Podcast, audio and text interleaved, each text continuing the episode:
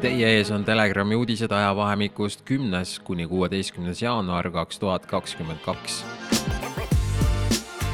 piiranguid lõpetama kutsuvad meeleolud valitsevad aina enam ka laiatarbemeedias mis on ühist Suurbritannia endisel vaktsineerimisjuhil Clive Dixil, Hispaania tervishoiuministril Carolina Tariasel ja peaministril Pedro Sanchezil, Päevalehe arvamustoimetajal Villu Sirnaskil, Postimehe toimetajal Lea Danilson-Järgil ja Õhtulehe peatoimetajal Martin Šmutovil. Nad kõik on viimase nädala jooksul sotsiaalmeedias andnud mõista, et koroonapiirangud tuleks lõpetada ja, või koroonasse tuleks edaspidi suhtuda nagu grippi lisaks Saksa arst ja epidemioloog Friedrich Pürner kritiseeris tele-eetris Saksamaa ja Austria päevapoliitikat ning kutsus poliitikuid üles kõiki meetmeid tühistama, öeldes, põhimõtteliselt on pandeemia möödas. Briti terviseminister Said Javid andis reedel teada, et vaktsiinipassidest loobutakse veel jaanuaris ning peale seda jääb ainsaks meetmeks vaid maskide kandmine siseruumides, kuid on võimalik, et ka sellest loobutakse Hollandis avasid baarid ja kohvikud laupäeval oma uksed valitsuse piirangutest hoolimata. riigi üks mõjukamaid baariomanikke Lawrence Meyer kommenteeris ajakirjandusele, et lukustamised on oma aja ära elanud. vastupanu kasvab, inimestel on küllalt. üha enam linnapeasid on tunnistanud, et nad ei rakenda meetmeid ega trahve, kui baarid taas avatakse, märkis Meyer üheks märgilisemaks uudiseks oli aga Taani ajalehe Ekstra Bladet vabandus oma lugejate ees, et nad on ilma küsimusi esitamata järginud valitsuse Covid-19 narratiivi ja aus ülestunnistus, et nad põrusid.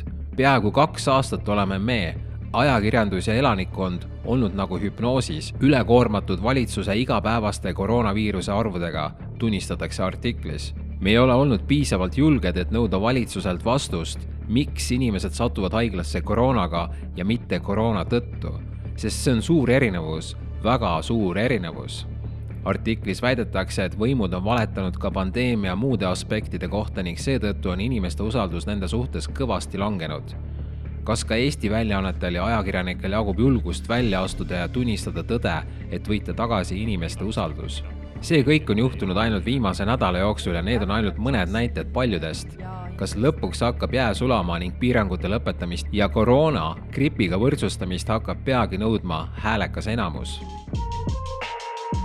Euroopa Ravimiamet, tõhustusdoosid võivad olla risk inimeste immuunsüsteemile Euroopa Ravimiameti EMA hinnangul pole neljas vaktsiinidoos praeguse teadmise järgi põhjendatud. EMA vaktsiinistrateegia juhi Marko Cavaleri sõnul võib iga nelja kuu tagant saadav tõhustusdoos hüpoteetiliselt olla risk inimeste immuunsüsteemile ja põhjustada väsimust. We are rather concerned about a strategy that entangles repeated vaccination within a short term. We cannot really continuously give a booster dose every three, four months. We should be careful in not uh, um, overloading the immune system with repeated immunization.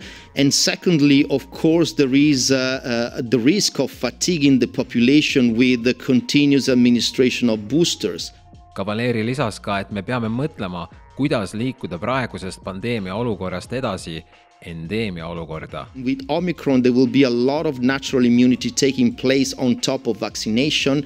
We will be fastly moving towards a scenario that will be closer to endemicity. vandenõuteooriast sai tegelikkus PPA vallandas kolmkümmend neli vaktsineerimata töötajat. kui möödunud aastal lekitati sotsiaalmeediasse infot, et Politsei- ja Piirivalveamet plaanib vallandada vaktsineerimata töötajaid, sildistas Delfi faktikontroll selle valeinfoks ja paanika külvamiseks. kümnendal jaanuaril teatas Delfi aga, et PPA lõpetas möödunud aasta kolmekümne esimese detsembri seisuga töösuhte kolmekümne nelja vaktsineerimata töötajaga. sarnast praktikat on rakendatud ka Kaitseväes ja peagi Päästeametis millal jõuavad sealsete juhtide kõrvu teaduslikud faktid, et ka vaktsineeritud nakatuvad ja levitavad viirust ning pidevad tõhustusdoosid võivad olla ohuks tervisele. katastroof Iisraelis, vaktsineerimise hävitavast mõjust rääkiv dokfilm Tunnistuste projekt, nüüd eestikeelsete subtiitritega. שני חברים שלו, חברים טובים, חטפו התקפי לב. Iisrael on avalikkusele tuntud oma jõulise vaktsineerimispoliitika poolest. Iisraeli rahvas aga soovib, et maailma avalikkuseni jõuaks ka nende endi seas olevate vaktsiiniohvrite hääl. dokumentaalfilmis Vaktsiiniohvrite tunnistused peale Covid-19 vaktsineerimist saavad kajastust noorte meeste südameprobleemid ja insuldid, noorte naiste nurisünnitused, invaliidistunud inimesed ja nii edasi. ükski meediaettevõte, ajakirjanik, reporter või keegi teine ei uuri neid juhtumeid põhjalikult ega avalda andmeid. nüüd hakkasid nad seda eksperimentaalset vaktsiini manustama meie lastele, selgitab kahe poja ema Avital filmi sissejuhatuses, miks ta selle dokumentaali tegemise ülesande enda peale võttis. Tel Avivi ülikooli professor, terviseminister, on aeg tunnistada läbikukkumist Tel Avivi ülikooli mikrobioloogia ja immunoloogia osakonna juhataja professor Ehud Kimron avaldas kümnendal jaanuaril avaliku kirja Iisraeli tervishoiuministeeriumile, kus kritiseerib jõuliselt Iisraelis tehtud katastrofaalseid vigu ja masendavaid valeotsuseid, mis seoses koroonaviiruse levikuga on siiani tehtud ja jätkuvalt tehakse ka Eestis oleks viimane aeg saata selline kiri nii Eesti valitsusele, Riigikogule, Teadusnõukojale ja teistele Eesti inimesi valeotsustega ja valeinfoga mürgitanud instantsidele, persoonidele.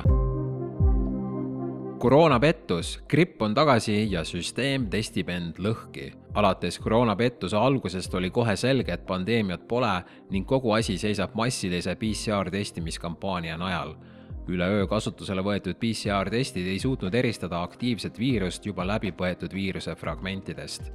kolmeteistkümnendal jaanuaril saatis Terviseameti juhtivtöötaja Marianne Härma Eesti perearstidele kirja, milles ta selgitab, et alates seitsmeteistkümnendast jaanuarist kaks tuhat kakskümmend kaks tuleb kasutusele uus PCR-test, mis suudab eristada koroonat ja grippi.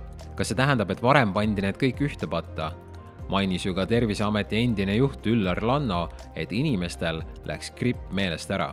tõenäoliselt äh, läks inimestele äh, meelest ära või siis ei jõudnud Eestisse välja. endine teadusnõukoja juht Irja Lutsar ütles aga äsjases intervjuus Õhtulehele, et masstestimise võiks ära lõpetada, sest see pole seda raha väärt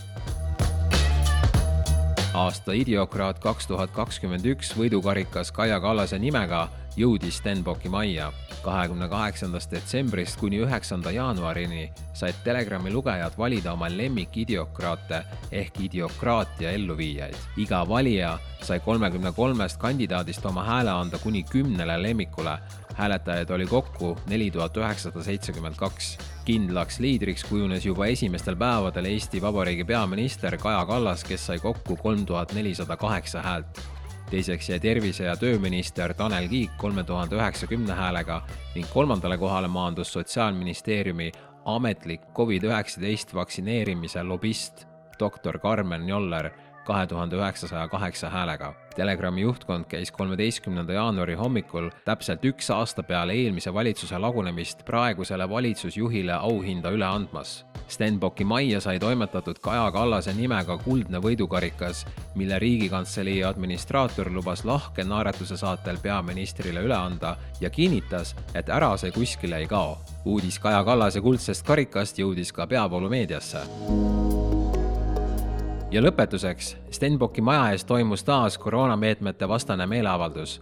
kolmeteistkümnendal jaanuaril jätkus eelmisel aastal alanud neljapäevaste meeleavalduste traditsioon, fookuses loomulikult koroonameetmed ja nende tühistamine, korraldajaks sihtasutus Pere ja Traditsiooni Kaitseks. Telegram kutsub ka oma lugejaid Stenbocki maja juurde igal neljapäeva hommikul.